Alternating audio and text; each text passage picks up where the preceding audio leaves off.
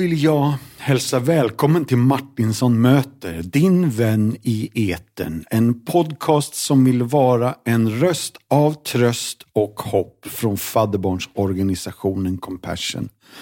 www.compassion.se och dagens gäst är Elisabeth Sandlund och hon är känd som journalist, författare och föreläsare. I 28 29 eller 30 år var hon ekonomijournalist på Svenska Dagbladet och hon trodde nog själv att hon var helt ointresserad av livsåskådning i allmänhet och kristen tro i synnerhet. Men när familjens yngsta dotter Ulrika, som har en intellektuell funktionsnedsättning, när hon skulle konfirmeras sommaren 1999 så gjorde livet en hastig 180 grader. Den radikala omvändelsen ledde bland annat till att Elisabeth lämnade Svenska Dagbladet efter alla år och först blev hon redaktionschef på kyrkans tidning och sedan många år är hon nu en utav medarbetarna och hon har varit chefredaktör och journalist eh, på den allkristna dagstidningen Dagen länge nu. Hon har skrivit flera böcker om kristen tro och idag är hon här i Martin som möter. Välkommen hit Elisabeth! Tack så mycket, spännande. Du, det var en lång inledning. Ja, du har redan sagt allt, vi kan sluta nu. ja, du, jag vill ställa fem snabba till dig. Mm. Är du beredd? Jag är redo. Hur ser din drömdag ut? Åh, en balans mellan arbete och umgänge och uh, vila. Japp. Och när du ska vila, vad gör du då? Är det film eller bok eller promenad eller? Ja, det blir nog ofta bok faktiskt ah. när jag ska vila. Och sen försöker jag, jag är inte någon sån där motionsfanatiker, men jag försöker hålla igång genom att cykla. Jag har förstått det. Ja. Cykeln är alltid med här i ja, storstan. Nästan alltid när det går, ja. Men det är en elcykel, så att, eh, det, vi ska inte göra det mer imponerande än vad det, Nej, vad det är. Jag är imponerad ändå, för det är en stor stad. Precis. Du, om du bara fick äta en måltid resten av livet, vilken maträtt skulle det då bli? Ja, jag måste ju säga pitepalt, även om jag tror att jag skulle tröttna efter några dagar. Men ja. det, om jag måste, ja, måste jag välja får det bli pitepalt med lite varian, variationer kanske. Ja, ja, lite blodpalt ibland. Och, mm. Mm. Men det är ändå pitepalten i mina, botten på något sätt. Sådär. Och vad har man till den? Då har man smör och lingonsylt. Japp. Mm. Och så dricker man iskall mjölk. Det är enda gången jag dricker mjölk till maten som vuxen, det är när det är pitepalt. Underbart. Mm. Ja. Har det någonsin hänt dig någonting som du inte kunde och kanske fortfarande inte kan förklara som ett under, ett tecken eller ett mirakel? Ja, alltså, du var ju inne på eh, hur jag kom till tro och det är ju för mig ett mirakel att, att eh, Gud kunde nå mig ja. som inbiten ateist efter så många år. Det, det var ju verkligen övernaturligt och ett under. Det var mm. det. Och ja. det är ju ingenting som är unikt för mig, men för mig är ja, det är det största. Ja. ja. Och nu, nu blir nästa fråga så otroligt banal jämfört med det du just sa nu. Men nästa fråga är, vilken är din mest använda emoj? Ja, det är nog tummen upp. Tummen upp? Mm. Japp. Ja, men den passar väldigt bra i många lägen. Jag ja. har redan använt den här nu på morgonen faktiskt. Mm. Och den sista frågan, den är lite längre. Om du kunde dela en lång trerättersmiddag med fyra individer, nu levande eller sedan länge döda, vilka skulle du då välja? Oh, den borde du ha förberett mig på. Det ja, var ju väldigt det. intressant. Ja. ja. Oj, oj, oj. Får man välja helt fritt du så är det ju självklart att det viktigaste gästen skulle ju vara Jesus Kristus. Ja, men visst. Det vore ju väldigt spännande. Och så skulle jag, nu tar jag i liksom, men jag skulle gärna vilja ha Paulus vid bordet också. Eh, för att han eh, fick ju aldrig träffa Jesus eh, på riktigt. Eller ja, det gjorde han ju, men det var ju ändå inte under Jesu gärning det, så att säga. Det. det vore kul att se dem samspela där. Och sen får vi väl ta några, några modernare personer då. Ja, vem ska vi hitta på? Karl-Erik Salberg eh, ja. tar vi hem från Tanzania. Ja. Han, var ju, eh, han var ju präst i Klara när jag kom till tro och betydde mycket. Han skulle, jag skulle unna honom att vara med där. Ja. Uh, och så en sista. Vem ska vi tänka oss då? Oj, nu blir det svårt här. Det är bara karar också. Jag måste ju ha en kvinna. Vi tar med Antje Jackelén, ärkebiskopen. Ja, mm. underbart. Jag tror hon kan ge lite krydda åt det samtalet. Ja, och det mm. kanske kan få henne att börja twittra igen. Man vet aldrig. Här alltså... sitter jag och Elisabeth och käkar pitepalt med Jesus och Paulus och Karl-Henrik. Ja, eh, Eller inte Karl-Henrik, Karl-Erik. ja, just det. ja. ja. Du, vilken spännande kombo. Mm. Sen är det frågan vad man skulle bjuda dem på, men det får vi ta sen. Japp. Jag tänker att petrusfisk skulle väl vara lämpligt då. Det från, låter, från låter klokt. Ja, mm. ja, jättebra. Du, Elisabeth. 12 juli 1951, vad hände då? Då föddes jag i Luleå. I Luleå. Där har vi hemorten alltså något som hette Sikfors. Ja, vi bodde i Norrbotten till jag var tio ungefär och eh, på lite olika ställen. Eh, men eh, Luleå, mesta delen av tiden i Luleå, men en sväng också i Malmberget. Och sen hamnade vi i Sikfors som är en by som ligger vid Piteälven, mellan Piteå och Älvsbyn, för de som har någon kläm på geografin i den delen av landet. Och det är det många som inte har upptäcker man. Yep. Liksom Norrland, det är allt mm. norr om Gävle och så. Men i alla fall, och där fanns, finns det fortfarande en, en kraftstation eh, i det. Och min pappa blev som ganska ung ingenjör han blev chef för den kraftstationen och eh, disponent hette det till och med. Just ja. det. Eh, numera är den obemannad. Yep. ja, men mm. på den tiden så var han ju då ansvarig för driften och hade ett antal personer under sig. Så vi flyttade dit. Men det blev bara ett och ett halvt år där. Ja. Men du, eh, Rudbecksgymnasiet 60, 66 till 69, Sollentuna va? Mm, mm. Vi hamnade där, vi flyttade, eh, i, alltså, i början av 60-talet, var, eller 60-talet var ju en period när väldigt många flyttade söderut från Norrbotten. Det var en ja. sån här rörelse, vi flytt inte för att inte hela delen, landsdelen skulle avfolkas och så. Men vi var en av de, alla de familjer som drog söderut därför att det fanns andra möjligheter till till jobb. Eh, till alltså pappa hade ju jobb, men det fanns ju andra möjligheter att utveckla sig i jobbet om man säger så. Så vi hamnade efter en kort sväng i, i, i Järfälla, i Kallhäll, hamnade vi i Sollentuna. Och eh, Aha. där gick jag i skola då från femman och till dess jag tog studenten eh, 69. Ja. Just det, för jag har någonting som Danderyd och Bromma här också. Ja, Danderyd, vi flyttade till Danderyd faktiskt under mitt sista år på gymnasiet. Så att där bodde jag, de sista åren jag bodde hemma så bodde jag i Danderyd. Uh, och sen blev det, nu, nu har jag missat det, en mellanlandning. För sen uh, hamnade vi inne i stan. Jag träffade min man. Uh, vi gifte oss, bodde i innerstan i ett antal år. Och sen behövde vi större lägenhet och då hamnade vi i Bromma. Och där har jag bott nu alldeles förskräckligt länge och det blir ju nu då 36 år ganska okay. exakt som vi har bott i samma lägenhet. Och det kan man säga, det är väl bra. Mm. Det finns en fördel med att flytta ofta. Yep. Ja, man gör av med grejer. När man bor på samma ställe i många år så samlar man på sig grejer. Ja.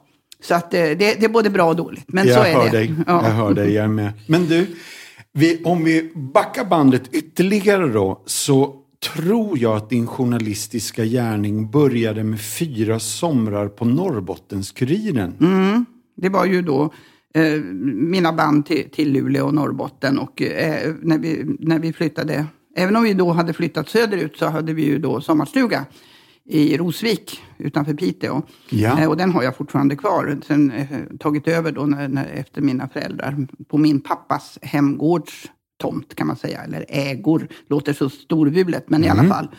Eh, så, att där, så att jag hade ju fortfarande rötter dit och när jag då inte var så gammal, 17 år, första året så fick jag jobb.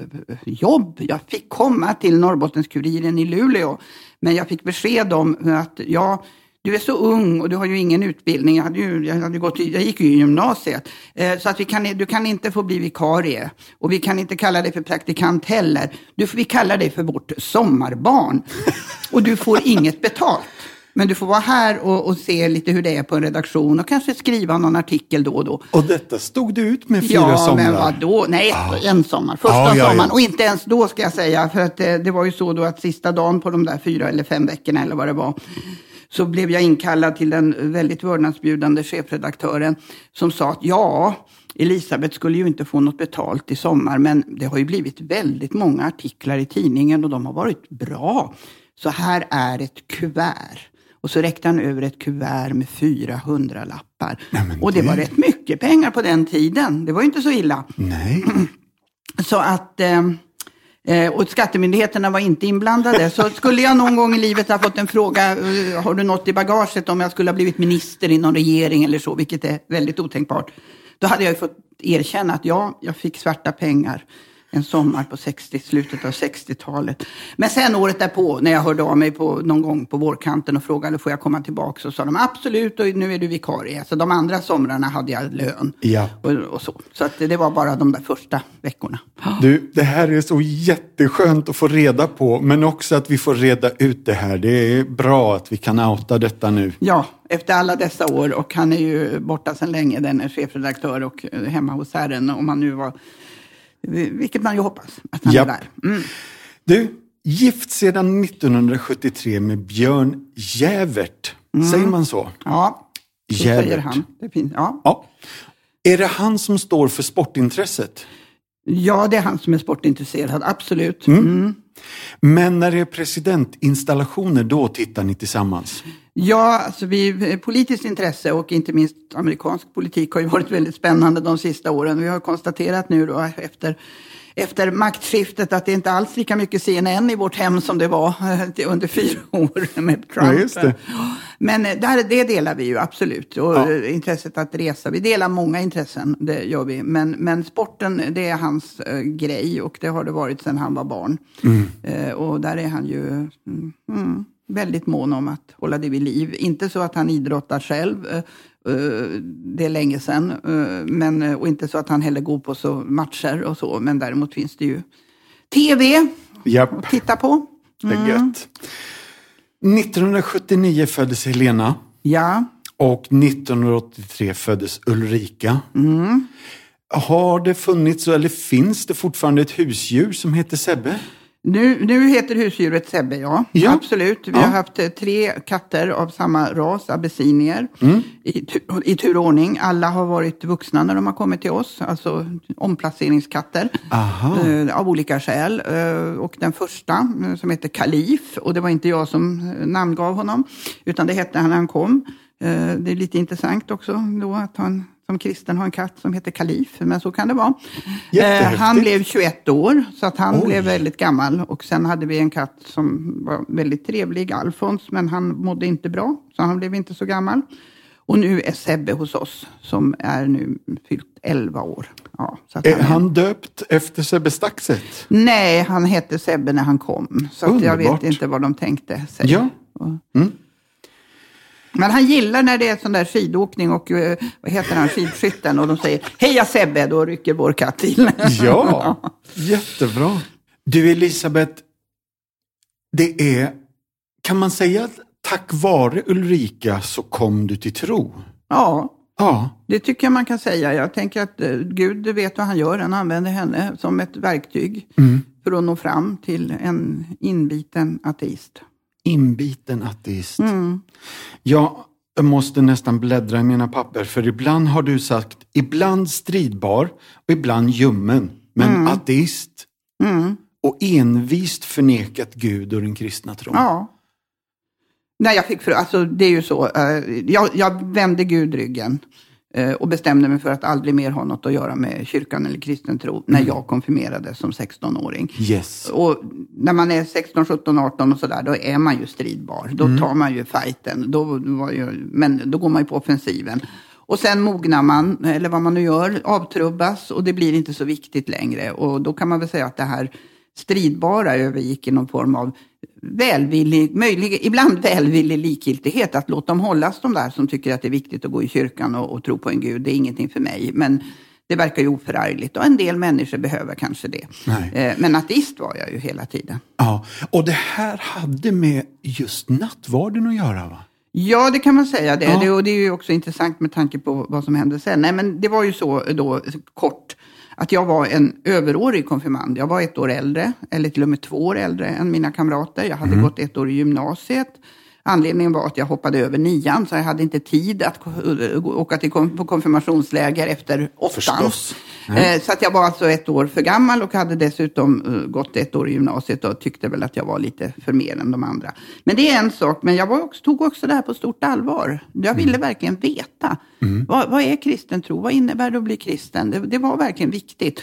Tyvärr så kunde min konfirmationspräst som var, ja, jag har hört mycket, mycket gott om honom och jag tror att det var en väldigt fin människa. Men han klarade inte av denna frågvisa på 60-talet ovanliga konfirmand som verkligen ville veta. och när man gång efter gång ställer sina stora frågor och är man i den åldern så är det ju, alltså då, frågorna har ju jag kommit på. Ingen annan har någonsin tänkt frågan hur kan det finnas så mycket ont i världen om Gud är både god och allsmäktig? Och det, Den ja. frågan har ju jag kommit på. Yep. Och det är klart att hade jag fått svaret då, ja Elisabet, det är en väldigt viktig fråga. Och vet mm. du, den har människor grubblat över i alla tider. Mm. Det finns ett namn på den, den heter teodicéproblemet. Och det finns massor med böcker skrivna om det. Uh, här har du några, de här skulle du kunna läsa. Mm. Uh, och själv tänker jag så här, men det finns andra som har den här förklaringen. Det hade ju blivit så spännande med kristen tro. Ja. Titta, det finns saker att upptäcka. Man kan läsa om det. Det är inte sä säkert att allt är svartvitt. Istället fick jag svaret på den frågan och på många andra. Ja, Elisabeth, vi människor, vi ska inte förstå allt. Nej. Vilket är ju helt rätt. Mm. Men, mm. men det var ju liksom fel svar. Just det. Eh, och det förstod ju inte den stackars allt mer utmattade präst. Men vad som avgjorde saken för mig var ju då att jag bestämde mig för att det här går inte. Mm. Jag kan inte konfirmeras och det var ju oerhört ovanligt vid den tiden. Nu tänker jag att det händer säkert då och då, men då var det ju väldigt ovanligt. Eh, så att eh, prästen tog ju för givet eh, att jag inte var nervös inför förhöret. Nej, nej, så jag. Förhöret, det klarar jag väl. Det är så här, jag kan inte stå i kyrkan och läsa med i trosbekännelsen och ta emot nattvarden, för nej. jag tror inte på Gud. Och då blir prästen lättad. Är det bara det? Ja, men det kan vi ordna. Ja. Då gör vi så att när vi kommer till de punkterna i trosbekännelsen som Elisabet inte tror på, då är Elisabet tyst. Då är det inte någon som märker någonting. Nej. Och det, alltså, det är ju en förödande svar, framförallt för en Absolut, tonåring, ja, när det är svart ja. eller vitt och mm. hederligt och så. Och jag fick ju klart för mig, tyckte jag, att ja, det var ju precis som jag misstänkte. Kristen mm. tro är ingenting. Det är något man gör för mm. att andra inte ska märka att man avviker. Inte ens prästen, som ju har betalt för att tro på Gud på heltid, verkar ju ta det här på allvar. Eh, så jag sa nej. Mm. Men sen blev det ändå konfirmation. Det sociala trycket blev för stort. Eh, och eh, jag genomförde konfirmationen. Jag teg mig igenom hela trosbekännelsen. Mm. För någonstans hade jag nog ändå fått en tanke att det här är, det är inte så att man kan plocka ut något som låter bra, utan det är ändå en helhet man ska säga ja eller nej till. Ja, och jag ja, sa nej till den. Och sen tog jag emot nattvarden och det var ju på den tiden första gången man fick göra det. Japp. Eh, det var ju mycket, jag tror att det var 79 som man ändrades i svenska, det ändrades i Svenska kyrkan att man bara behöver vara döpt för att ta, för att ta emot nattvard. Men då var det ju verkligen, den första nattvardsgången var på konfirmationsdagen. Ja. Så det var ju väldigt symboliskt och så då. Så jag gjorde ju det, tog emot den och så tänkte jag aldrig mer. Det här är första och enda och sista gången. Ja. Aldrig mer ska jag utsätta mig för detta. Och det här ledde till att det var 30 eller var det 32, 32 år, år, mellan de här nattvardstillfällena? Ja, ja. Och då måste du berätta lite grann för lyssnarna vad som hände sommaren 99. Ja, just det. För det är där vi är nu då. Ja, precis. Jo, nej, men det är som sagt vad livet rullar på och, och jag var ju eh, jag var ju inte, eh, ja, jag hatade inte kristna, det var inte så. Eh, och jag kunde till och med respektera kristna och jag kunde ju se att kristna gör mycket gott och sådär, men det var inget för mig. Eh, sen hörde vi, Ulrika eh, föddes som vilken unge som helst då, 83. När hon var ungefär tre år gammal så fick vi reda på att det som både vi och läkarna hade försökt förklara som att hon är lite sen i utvecklingen, det kommer, hon har bara inte kommit igång än, att det handlade just om en, en, en funktionsnedsättning eh, med oklar, och fortfarande oklar, eh, orsak. Men, men så, och, och det ändrade ju livet på många sätt. Eh, som det gör när man får, får ett barn med, med en funktionsnedsättning som påverkar allt i tillvaron och så. Eh, men i alla fall så uh, Ulrika eh, kom med i scouterna som åttaåring med mig som ledare och vår scoutkår som normalt sett inte alls har särskilt, den dåvarande scoutkåren som vi var med i, i Bromma, den har normalt sett inte alls mycket religiösa förtecken, inte alls några. Men en kårkaplan, en präst okay. som en gång om året trädde i funktion i adventstid när vi hade en adventsvesper i friluftskyrkan på Kärsön. Och där han såg Ulle första gången i scoutskjorta där, så säger han, men, och då hade han sett henne som lilla syster till stora syster som också mm. var scout. Mm. Men när han ser att hon också är scout, då säger han, Per Unsgård heter han, då säger Per, eh, men vad roligt, är du också scout? När du blir tillräckligt gammal, då kommer du väl till Gålö och konfirmerar dig hos mig. För han var alltså konfirmationspräst på ett konfirmationsläger på Gålö där hälften av ungdomarna eh, hade, som man då sa, en utvecklingsstörning och den andra hälften var normalstörda, det vill säga helt vanliga tonåringar. Mm. Och det där upprepades en gång om året fram till dess den, det året när Ulrika skulle fylla 16 i februari. Eh, och då säger Per till mig, men du hur gammal är hon egentligen nu då? Mm. Ja, säger jag, hon, hon fyller 16, men, men det här med konfirmation, det är nog inget för henne. Det är det visst det, sa han. Jag anmäler henne. Eh, så normalt var det liksom kö till de där lägren, men jag blev uppringd av, av den här eh, damen som höll i kölistan. Hon var ganska barsk och så sa hon, ja, jag har fått order av Per att sätta upp eh, din dotter på på, på årets läger, stämmer det? Ja. Och jag, ja, ja, jo, det är väl bäst att det får bli så. Och så började vi prata om det, min man och jag, och ingen av oss sa ju att åh, vilken bra chans för henne att få lära sig om kristen tro, utan det var ju precis tvärtom. Vilken bra chans för oss att lösa problemet i sommar. Var ska hon vara när semestrarna inte räcker till? Japp. För att täcka hela sommarlovet. Fyra veckor på ett läger i Stockholms närhet med scoutinriktning, ledartätt. Och, ja, mm. spännande. Mm. Mm. Så att hon fick åka iväg. Mm. Eh, och det var ju helt fantastiskt det där lägret. Eh, och eh, Ulrika växte som människa. Och jag har ju hört så många andra föräldrar, både till de eh, tonåringar som är fullt normalbegåvade så att säga och även till de med, med IF, som vi säger numera, som berättar hur mycket det där har betytt. Och även för de som har varit ledare. Jag har hört flera berätta det där, att få vara där på det här lägret och se den gemenskapen ändrade, det fick mig att välja det här yrket, eller ja, det mm. ändrade min mm. livsinställning och sådär. I alla fall, eh, och så var det konfirmation då efter, efter fyra veckor. Och det var ju väldigt starkt naturligtvis att sitta där och se att hon har klarat av det här. Hon har varit, vi var visserligen där och hälsade på, men hon har ändå varit där i fyra veckor. Och hon fick, hade, Ulrika pratade nästan ingenting med Nej. ord, men hon, de hade den lilla pjäsen som var redovisning, där hade hon en replik och skulle säga mamma i rätt ögonblick. Ja. Och det gjorde hon. Och hon var så stolt och lycklig och tårarna rann på mamma. Och, ja. Det var gripande. Hjärtat mm. var uppmjukat. Mm. Och så är det då dags för den avslutande gudstjänsten. Och eh, det, kapellet på Gålö är väldigt litet. Så att kom, varje konfirmand hade bara med sina allra närmaste anhöriga. De mm. andra fick sitta utanför. Mm. Eh, och ungdomarna tar emot nattvarden och så säger prästen, och det var inte Per då, det var första året han inte var präst där. Ah. Eh, så säger prästen, Jonas heter han, att eh, nu är alla välkomna fram till mm. nattvard. Eh, och för mig är det som att alla reser sig, men ingen i vår familj. Och jag inser att nu blir Ulrika ledsen. Hon satt ju som de andra och vände och vred på sig och tittade efter sina anhöriga. Mm. Så att... Och det här är nästan på dagen 32 år efter min egen konfirmation. Då, då reser jag mig för att gå fram och ta emot nattvarden. Och min man blev helt... Men vad gör du? Ja, det är för Ulles skull, förstår du väl. Det finns gränser, väste han tillbaka, för där gick hans gräns.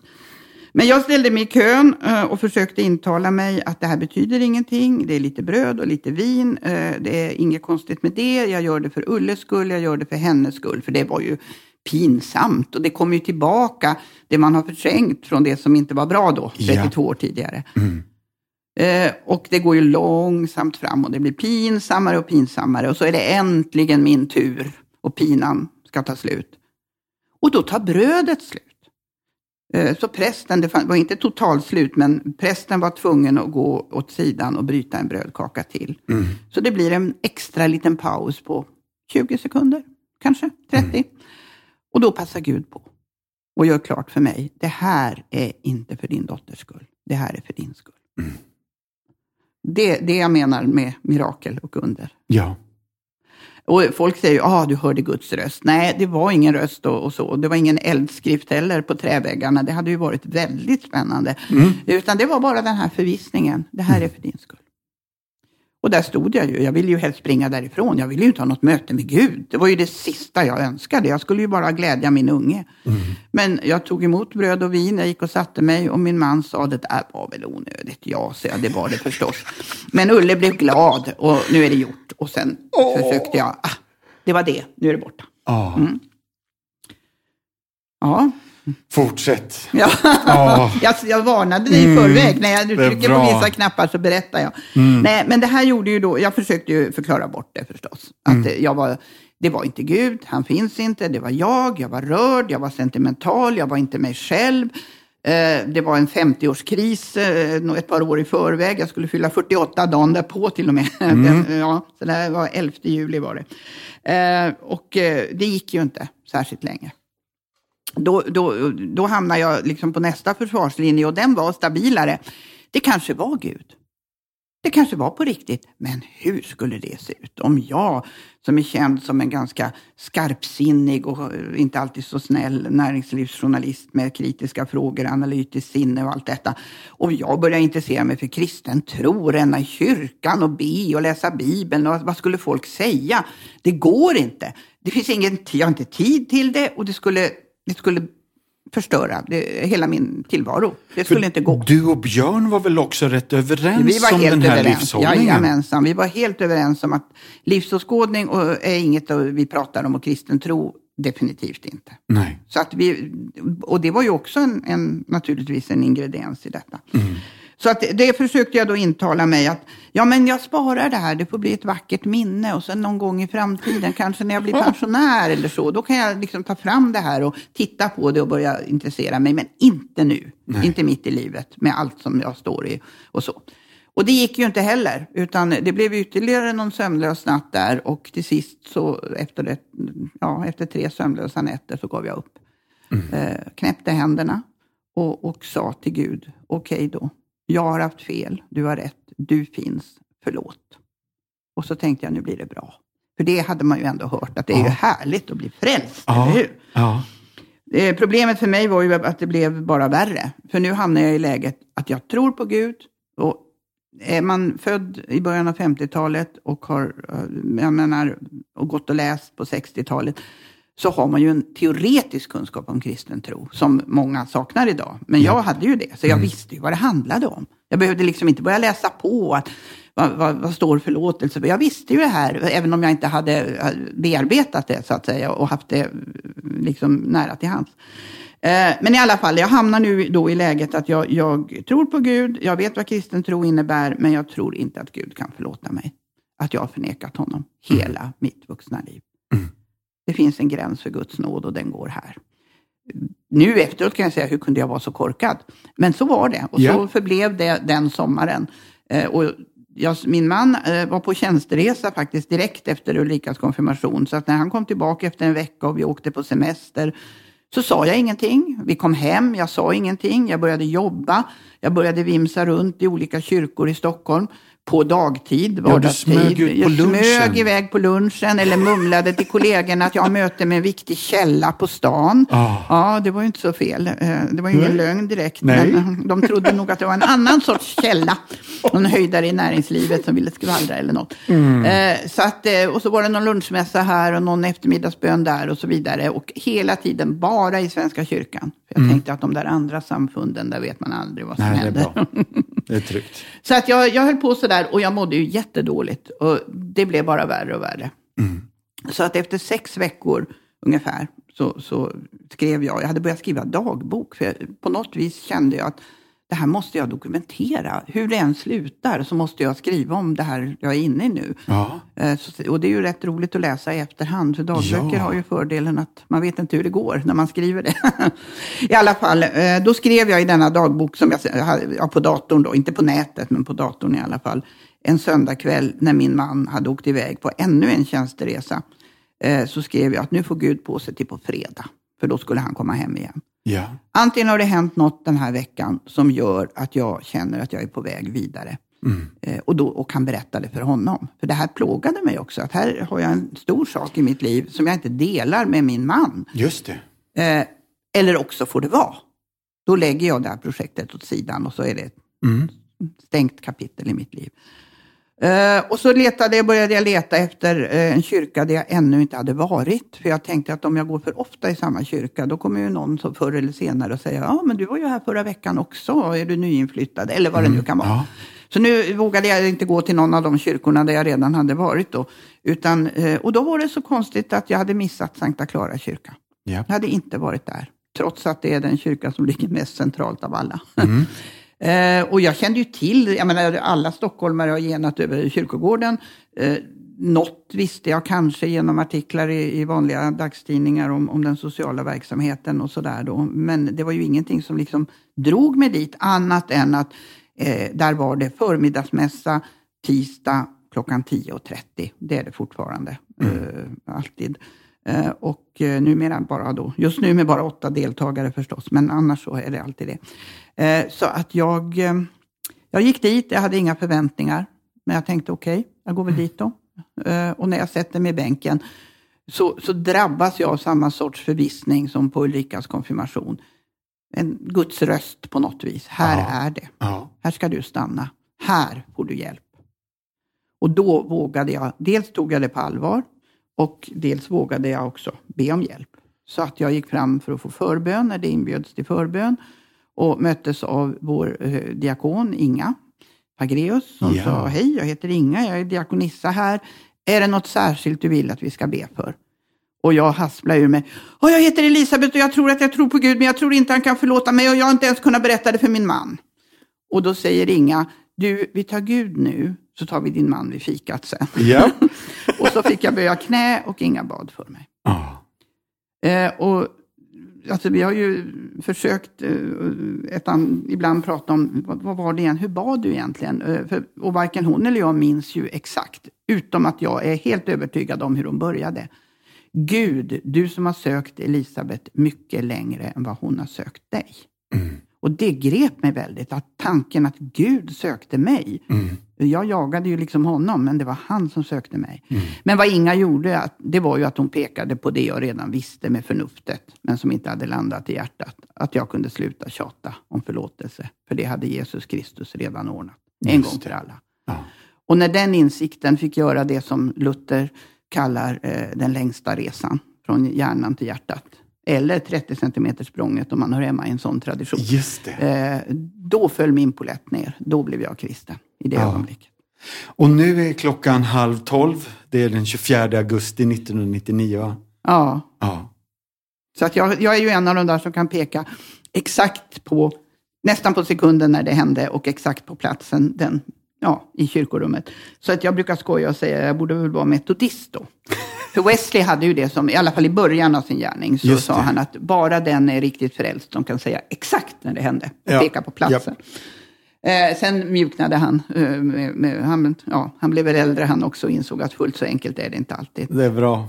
Det är tur för oss som Ja. har känslan av en soluppgång istället Ja. för ett blixtinslag. Ja.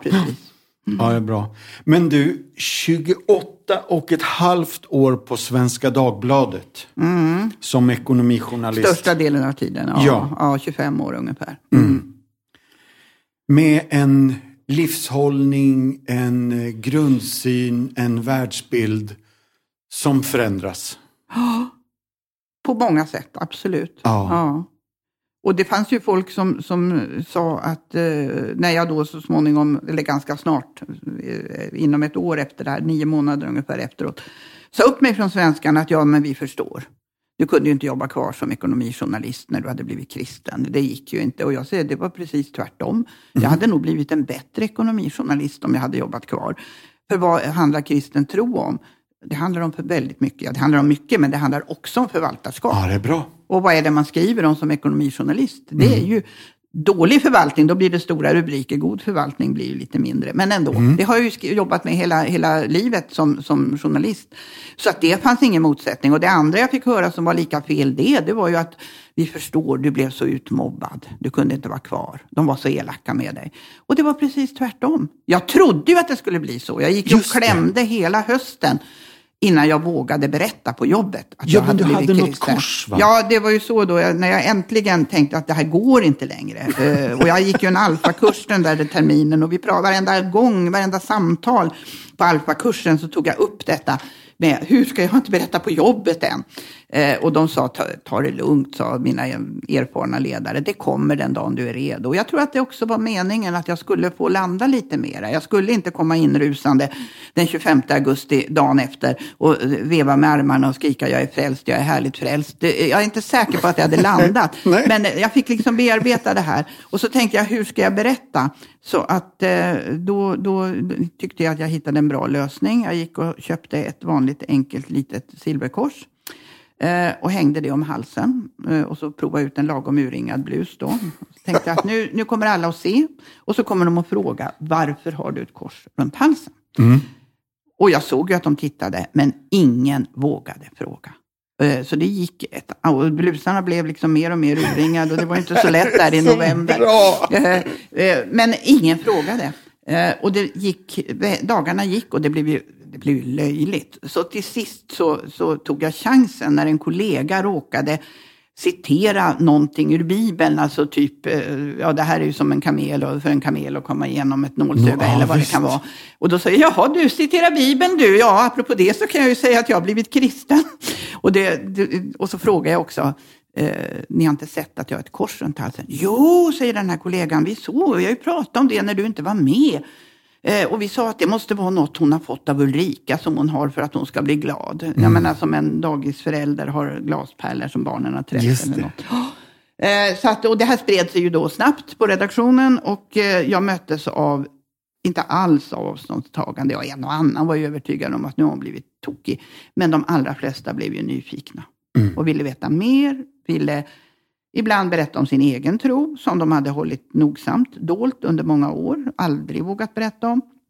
Mm. Andra, vi, jag är avundsjuk, jag önskar att det kunde hända mig också. Och så vidare. Ah. Så att vi hade väl aldrig haft så många spännande samtal som under det, det ungefär halvåret då efter det att jag kom ut som kristen och slutade på svenskan.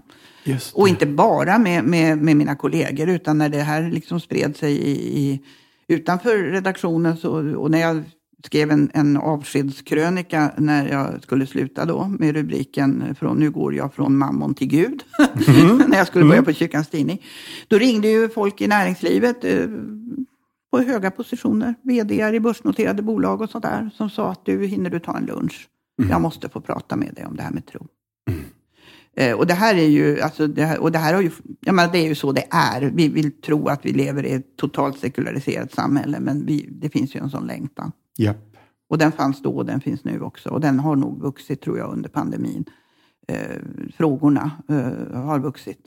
Mm. Eh, var, finns det ingenting annat? Är det verkligen det här som är livet? Och så Just det. Du, du nämnde eh, innan, innan vi började podden här, du sa någonting om vår tids Nikodemusar. Ja. Kan du bara berätta vad ja, det är? Jo, men det, det, det var ju så då att eh, redan innan jag hade kommit ut på... Alltså, tänk nu då att nu talar vi alltså om 1999. Eh, det fanns ju, nätet fanns ju, internet fanns, men det var ju mm. inte alls som det är nu. Då. Nu slår man ju bara in vem är Jesus och så googlar man så mm. får man upp hur många träffar som helst. Så var det ju inte då. Men det fanns ju en hel del kristet material på mm. nätet. Mm. Och, och, jag satt ju eh, på, på jobbet då, då, vid den här tidpunkten hade jag, hade jag ett eget rum då. Det har växlat under, under årens gång, men då hade jag det. Och där satt jag då och smygsurfade, fast man använder väl inte ordet surfade, men i alla fall på, på datorn på kristna sajter. Men jag hade också alltid Volvos senaste årsredovisning uppe så jag snabbt kunde byta om någon Just kom det. in i rummet. Och det här har ju fått mig att säga då att, att vår tids Nikodemusar, han som kom till Jesus i skydd av mörkret, för att inte någon skulle förstå vad han sökte. De sitter framför datorn idag och därför är det så viktigt med en kristen närvaro på nätet. Och det ja. har ju blivit under pandemin när så många olika kyrkor har varit så bra på att, att mm. ställa om och finnas på nätet med gudstjänster men också med samtalsprogram och annat. Så, så öppnar man ju den möjligheten och det här måste vi ju ta tillvara på. Svensk kristenhet måste ta tillvara detta efter pandemin mm. och, och, ge de här personerna en chans att fortsätta sitt sökande. Just det. Därför att det, är väldigt, det går att vara väldigt anonym om man vill. Och den här känslan av att mm, vad är jag inne på nu då? Vad leder det här till? Den finns hos väldigt många tror jag. Och det, det, är svårt att greppa. Det är ju inte så att det plingar i, i datorn att nu är eh, Pelle Svensson där och där inne och söker på kristna sajter. Ring honom så kanske han vill bli frälst. Vi har inget sånt signalsystem. Nej, nej. Men vi måste ändå på något vis försöka komma dit. Att vi når de här människorna. Ja, det är bra. Åh, oh, spännande. Det blev sex år som chefredaktör på Kyrkans Tidning. Redaktionschef var Just det. Ja. Eh, det betyder ju att jag ledde liksom redaktionens mer handgripliga arbete och sådär. Och sen hade vi en chefredaktör, eller ja, det var två olika faktiskt under de åren. Eh, som ju då mer hade den ideologiska och skrev ledare och sådär. Då. Mm. Så att, och många alfakurser har det blivit i Sankta Clara. Ja, och inte bara där höll jag på att säga. Jag har hoppat in på andra. Jag brukar bli ombedd att hålla alfaföredrag i en del andra kyrkor har det hänt också. Så där då. Just nu ligger ju väldigt mycket nere.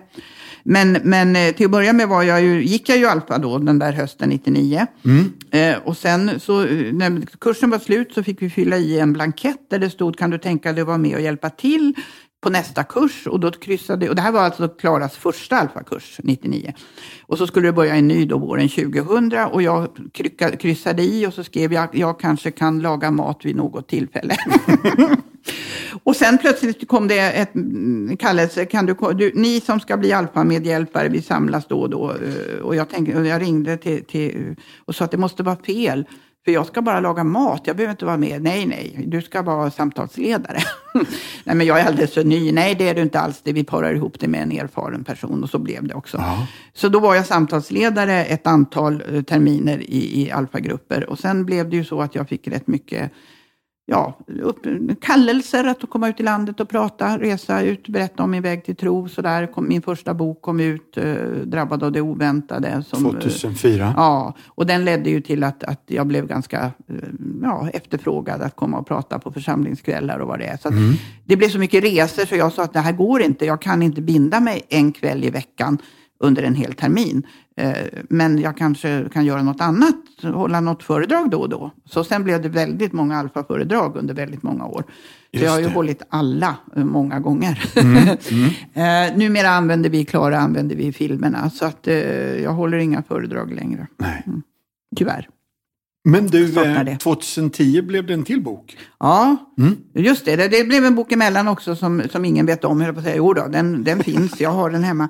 Den uh, sålde inte så bra. Den heter Fortsättning följer. Ja. Och den är mera, man, alltså Drabbad av det oväntade är ju väldigt mycket knuten till min berättelse. Men också ett försök att presentera kristen tro med lite alfa. Alltså mm. lite alfa, eller väldigt mycket alfastuk. För människor som var, är som jag, som var som jag. Mm. Eller som är som jag var, ska vi säga. Som kanske inte riktigt har greppat vad betyder det här för någonting.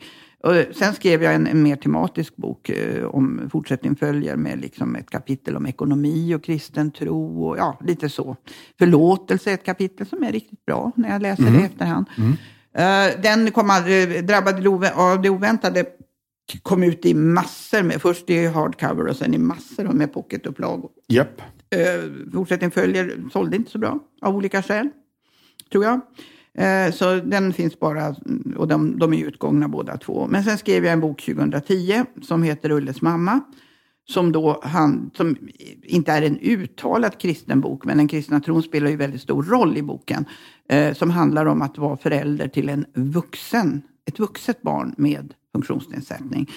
För då var det ännu mer så att det är väldigt mycket böcker om att hur det är att få ett barn med, med, med särskilda behov. Men hur blir det sen då när de växer upp, ska flytta hemifrån, när man måste börja tänka på framtiden? Vad händer när jag inte orkar längre? Den typen av frågor som ju då vi hade bearbetat eh, på något sätt. Ulle var ju då 27 när boken kom ut och hade mm. flyttat mm. hemifrån två år tidigare och sådär. Och hur tänkte vi kring det och så.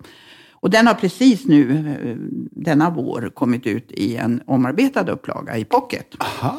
Med, dels har jag varit tvungen att gå in och ändra hela vägen. För 2010 så sa man handikappad och utvecklingsstörd. Och det gör vi inte längre. Vi säger Nej. intellektuell funktionsnedsättning och så. Eh, så att bara där ändra det språket. Sen har jag ju lagt till sånt som har hänt i både mitt och Ulles liv och sen har jag skrivit två helt nya kapitel mm. Eh, i boken. Så att den är precis ute nu då, den här våren, eh, i, i pocketupplaga. Och den heter? Den heter fortfarande Ulles mamma. Just det. Reviderad upplaga. Mm. Ja. Du, när jag pratade lite med dina kollegor så var det tre saker som kom upp lite extra tydligt angående dig. Vågar du gissa vad det kan vara de säger om dig? Oh, nej, det beror ju på vilka har pratat med. oh, nej, men jag tror väl att någon, någon kanske kommenterar att jag liksom inte jag vägrar att gå i pension. Just det, just det. det. det. var faktiskt ingen av dem som sa, men tydligen har du sagt det själv. Att, va, va, nu ska jag se om jag hittar det. Eh, du har sagt många gånger att det är nog dags att sluta snart. Ja, lite så. Alltså jag fyller ju faktiskt 70 i sommar och yep. Eh, det är klart att eh, nu har jag gått ner lyckats gå ner till halvtid eh, mm. och det har jag gjort försök de senaste tre åren eh, och det har inte lyckats förrän nu. Men nu har det hållit i sig ändå sedan november, januari, ja, november, fyra, fem månader och verkar bli uthålligt. I sommar jobbar jag heltid igen, men det är på egen begäran. Ah, okay. För ska jag ändå jobba i juli kan jag lika gärna jobba alla dagar och så kan jag vara ledig någon annan gång. Oh. Och så. Men, men i princip jobbar jag halvtid, vilket är ganska lagom, för då hinner jag med alla mina andra engagemang. Men, men någon har säkert sagt att jag har många järn i elden eller något liknande. Ja. Men du, eh, här kommer de. Eh, vandrande Wikipedia. de ja. tycker att du är ett uppslagsverk. Ja, det är ju en alltså ja och nej ska jag säga. Jag, dels har jag varit med länge och jag har ganska hyfsat gott minne fortfarande. Ja. får man vara tacksam för. Men jag tror faktiskt också att det ligger lite i det att jag, jag är ganska bra på att hitta saker som jag inte vet. Mm. Alltså, jag, jag, min min, mitt akademiska huvudämne är ju, är ju historia. Ja. Eh, och där är man ju, alltså man tränas ju i detta att söka källor, värdera källor och så. Och det där bär man det, det, är inte så dumt för journalister. Det är väldigt mycket som påminner om journalistik när det handlar om historisk forskning, även om man har lite mer tid på sig när man skriver en uppsats eller en avhandling eller så. Eh, och jag tror att en del av det där, folk tror att jag vet allt detta, men ibland är det ju helt enkelt så att jag har hunnit googla fram svaret och så säger jag, du, men det där är enkelt, det är si och så. Så sitter jag där med något. Men, ja, ja, nej, men jag, jag har varit med länge, visst. Och jag hjälper gärna till också. Det är väl lite så att om jag hör att någon eh, ropar på hjälp eller så, så och jag vet något, så är inte jag den som tänker, haha, det får han hitta själv, utan då hojtar jag. Du, jag kan svara på det där. Just det. Nästa grej är att du är en styrelseledarmotslegend. Du sitter i många styrelser tydligen. Ja, det har blivit ett antal sådana uppdrag, ja. Och det är ju så att eh, alla är inte föreningsmänniskor. Men, eh, och det är ju så, i vår tid är det ju också många som inte vill eh, binda sig. För jag menar, man väljs på två eller tre år kanske om man ser att livet kanske inte ser ut så och så. Så att eh, vi som tycker att det är viktigt eh, att ta ett sådant ansvar, vi får kanske för många uppdrag istället. Så, men jag har faktiskt börjat trappa ner. Jag har sagt ifrån mig eh, och jag har sagt nej till flera nya uppdrag. Jag tycker jag är riktigt duktig. Sen är det ju så, jag kan inte sitta i alla styrelser. Eh, och det har jag, jag har sagt nej till ett antal uppdrag där det skulle kollidera med mitt jobb. Ja. Eh, så. Men på, och jag måste ju alltid ha tillstånd om det är något som på minsta sätt liksom skulle kunna Just hamna i en intressekonflikt. Eh, jag sitter ju i Sankta Claras styrelse då, vi skriver ju rätt ofta om Klara och det är ju på gränsen ibland. Och jag yeah. försöker ju då, jag kommer ju med tips men jag lägger mig inte i vad det blir av dem. Nej, bra. Man får balansera det. Mm. Men många utskott, många arbetsgrupper, många styrelser. Ingen förstår hur du hinner med. Och du sitter bland annat i den presshistoriska föreningen. Ja, mediehistorisk förening heter det nu. Och det beror ju på, det har ju att göra med att det jag håller på med eh, vid sidan av jobbet. Och jag trodde ju att jag skulle disputera i mediehistoria eh, på en avhandling om ah. pressen på 1800-talet. Eh, den blev aldrig klar. Nej.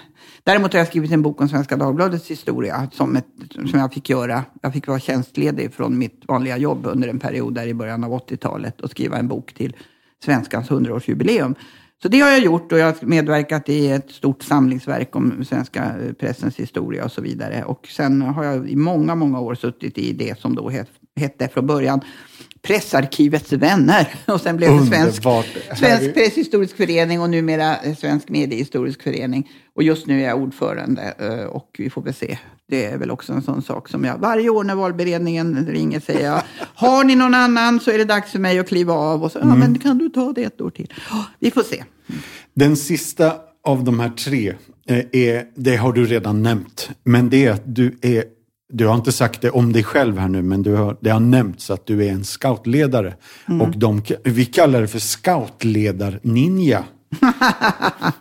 du har ja. gjort det mycket och länge och väl. Ja, alltså jag, jag var scout själv när jag var barn och ung. Och, och så. Sen blev det ju som, ja, som många när man, när man eh, börjar, slutar skolan och börjar plugga och gifter sig och får barn och sådär så kanske man kommer ifrån det där några år. Men sen då i och med att Ulle skulle bli, bli scout så kände jag ju att hon behöver ju, hon kan ju inte vara det på egen hand utan jag behövs. Så då blev jag scoutledare med henne i hennes grupper ett antal år. Eh, till dess jag tyckte att, jag blev, att hon behövde någon annan med sig. Och då, jag, ja, jag var kvar ett tag i, i scoutkåren med andra uppgifter och så. Eh, och sen startade jag för, eh, oj, nu måste jag tänka efter. Ja, ett antal år sedan, det börjar ju snart bli, ja, mellan 15 och, 20, 15 och 20 år sedan så startade jag en grupp för ska jag säga, ungdomar och unga vuxna med intellektuell funktionsnedsättning som vill vara scouter. Mm. Eh, och den driver jag fortfarande. Eh, tyvärr så har vi ju då inte kunnat träffas nu sen, ja, i höstas hade vi några möten när det var lite lindrigare. Eh, och nu väntar vi, har vi inte kunnat komma igång på grund av corona. Mm. Och eh, de ringer, de som, av de som har mobiler och kan ringa. När kan vi börja Elisabeth? En av dem, Mir, en framåt kille med Downs syndrom, ringde och sa, när ska vi, jag vet vad vi ska göra första mötet. Jaha, sa jag, vad ska vi göra första mötet? Du ska göra en frågesport om corona. Jag vill att du ska ställa frågor hur många har dött. En rolig fråga, så ska de gissa på det. Och så ska vi ha en gäst. Jaha, så jag. Ska vi ha, och ibland vi har haft dit en polis och vi, vi har fått uh, vara hälsa på brandkår, ambulans. Vi försöker ju med det. Ja. Jaha, så jag, vilken gäst då? Anders Tegnell! oh, så jag kan höra mig själv ringa Anders Tegnell och säga, kan du komma? Just det. ja, men det är en härlig grupp och det betyder jättemycket för dem. Eh, mm. Så. Sen är det ju så med, med mycket ideell verksamhet att det, det problemet är inte att få deltagare utan problemet är att få ledare. Så ja. att, ja, det låter som en eh, klassiker. Och jag har mm. förfrågningar. Kan, kan, vi börja? kan min dotter få börja? Kan min son få börja? En del ringer själv. Jag har en kille nu som ringer tre gånger om dagen och frågar om han får börja. Oh, eh, så att jag skulle gärna starta eh, flera grupper, men, men det, just nu är det ju ganska svårt. Mm. Men det är viktigt. Alltså, scouting är en väldigt bra verksamhet. Eh, med, med detta med alla får vara med. Eh, man är scout hela livet på olika sätt. Eh, och eh, just det här med learning by doing. Det är inte bara teoretisk kunskap utan det är också att man gör saker. Mm. Och så är vuxna, vi leker väldigt mycket på våra scouter tillsammans. Alla är med på sina villkor och så. Sen får man ju anpassa med tanke på att gruppen, många i gruppen kan inte läsa till exempel och sådär. Men det, ja, det går det också. Jättefint. Du Elisabeth, nu skulle jag vilja ta några minuter och berätta lite om Compassions arbete i fält. Ja, börja med att berätta en berättelse och när vi är klara med den så kan vi väl bara bolla lite fram och tillbaka. Hur, eh, hur tänker vi kring hur utrotar vi fattigdom helt mm. enkelt? Men jag berättar först det här. När vi tittar upp på den stjärnklara himlen på kvällarna så brukar min mormor alltid berätta för oss att den stjärnan som lyser starkast, det är min mamma och att hon fortfarande vakar över oss. Viktor ler faktiskt när han berättar detta. Hans älskade mamma lämnade jordelivet i maj 2020. Kvar blev åttaåringen Viktor och hans yngre syskon Joe och Elizabeth. De får nu tas om hand av mormodern Reina och hon oroade sig för hur hon skulle kunna förse dem med allt som de behöver. Barnen hade inga egna sängar och hemmet hade endast en provisorisk latrin. Compassion-centret klev då in och gjorde en insats. Genom The Highly Culnerable Children's Fund så fick familjen för ett år sedan två nya sängar, madrasser, en garderob och ett ordentligt badrum. Denna gåva gladde barnens hjärtan, säger Reina. Och de påmindes om att även fast de inte har sin mamma längre så finns det ändå många människor som värnar om deras välmående. Compassion är en fadderbarnsorganisation som har funnits i snart 70 år och vi hjälper 2,1 miljoner fadderbarn i 25 länder. Vårt uppdrag hittar du i Markus evangeliet 16 och 15. Gå ut i hela världen, predika evangelium för hela skapelsen. Så, som svar på missionsbefallningen existerar alltså vi, som en förespråkare för barn i nöd, för att frigöra dem från andlig, ekonomisk, social och fysisk fattigdom. Och vi vill vädja till dig som lyssnar att tillsammans med oss förvandla liv. Och för 310 kronor i månaden kan du bli fadder. Och vi önskar att du blir det. Gå in på vår hemsida www.compassion.se och bli fadder, gärna idag.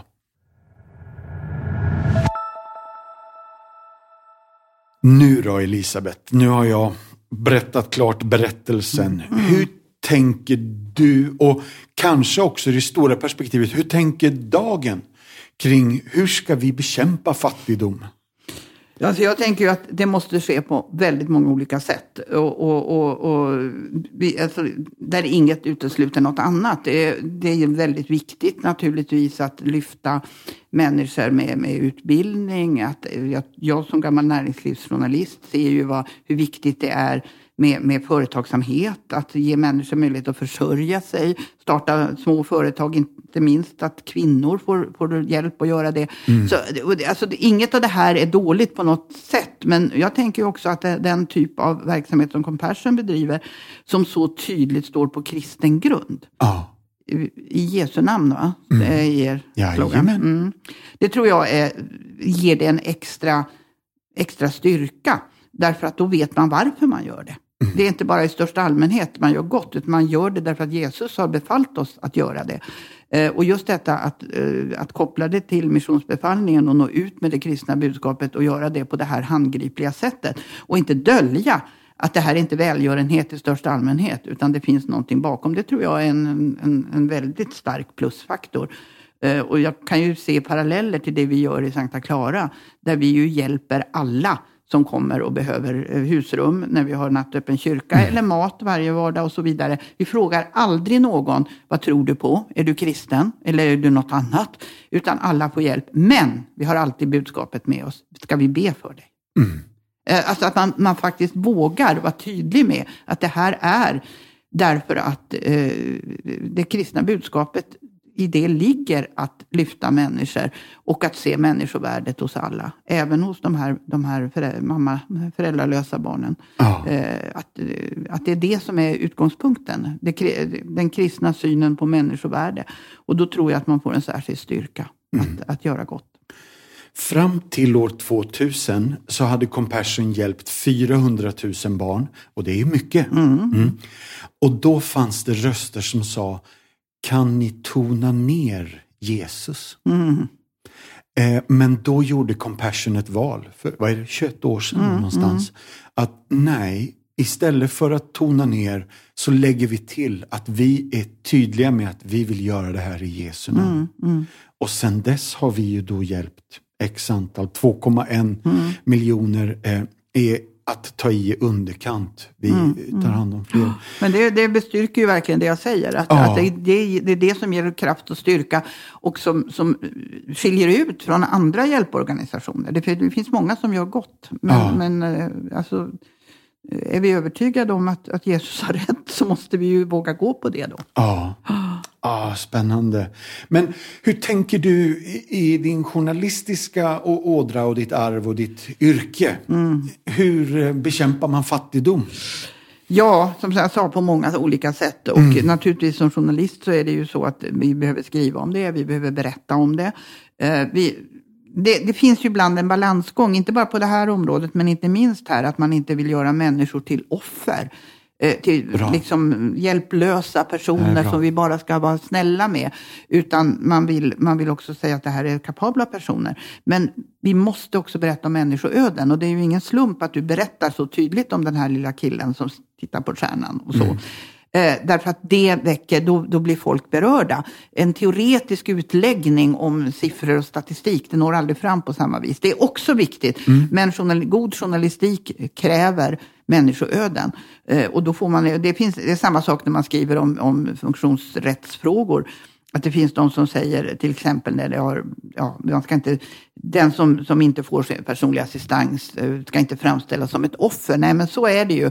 Men samtidigt, om vi inte berättar om hur det här drabbar på det personliga planet och, ja. och hur man också kan växa som individ så att säga, då, då är det ingen som bryr sig. Nej. Man måste ha, ha levande exempel och jag tror att det är jätteviktigt. Man behöver ansikten på mm. de människor det handlar om. Men det är en balansgång så att man inte, inte blir de här klappa på huvudet, eh, välgörenhets, eh, att man inte fastnar i det träsket. Nej. Utan att man också ser att här är kapabla människor som, mm. som, som eh, bidrar till eh, samhällens utveckling på sikt i alla fall. Ja. Ja, jag är helt med dig. Jag märkte på mina egna barn när vi satt och högläste brevet här i veckan mm. från våra fadderbarn. Eh, speciellt, jag noterade speciellt en av våra reagerade liksom på brevet. Mm. För det är en 14-årig kille som heter Tamirat. Och det blir det här personliga som mm. du säger. Mm. Att här finns en människa som mm. behöver våran hjälp. Men vi är inte white savior åt honom utan vi är syskon i tron och vi är medmänniskor. Mm, det finns mm. en ömsesidighet mm, i det som är helt avgörande. Tror jag. Ja. Åh, vad spännande. Är det något mer angående det här som du tänker på? Nej, alltså jag, jag, tänk, nej, jag tror att jag är ganska... Mm. Jag har nog inte så mycket mer att nej. säga än att, än att keep up the good work. Fortsätt att jobba. Ja. Du Elisabeth, då vill jag avsluta med att tacka dig så jättemycket för att du kom till Martinsson möter. Tack för allt du har berättat, inte bara idag utan i dina böcker, i din journalistik. Tack för allt du gräver och utbildar och undervisar oss andra i. Din gåva är viktig för oss och även om du själv kanske tycker att nu är det kanske dags att lägga av snart så tycker inte vi det. Det är bra. Ja, när folk skriver och säger att tacka för något jag har skrivit så, och du får inte sluta, då skriver jag att jag, jag håller nog på ett tag till. Det är fördelen med att vara journalist är ju att så länge någon vill publicera det man skriver så kan man fortsätta ja, i någon bra. form. Du, det här gläder oss. Tack snälla för att du var med idag. Ja, tack för att jag fick vara med. Spännande. Slut för idag och tack för idag allihopa. Vill du veta mer om det som har pratats om i podden så har vi något på vår hemsida som heter Show Notes. Där kan du se alla länkar till sånt vi pratar om när vi refererar till en film eller en bok eller en sång. Då finns de länkarna där, så gå in på compassion.se så hittar du helt enkelt massa extra material. Tack, ha det bra! Bye bye, hej då!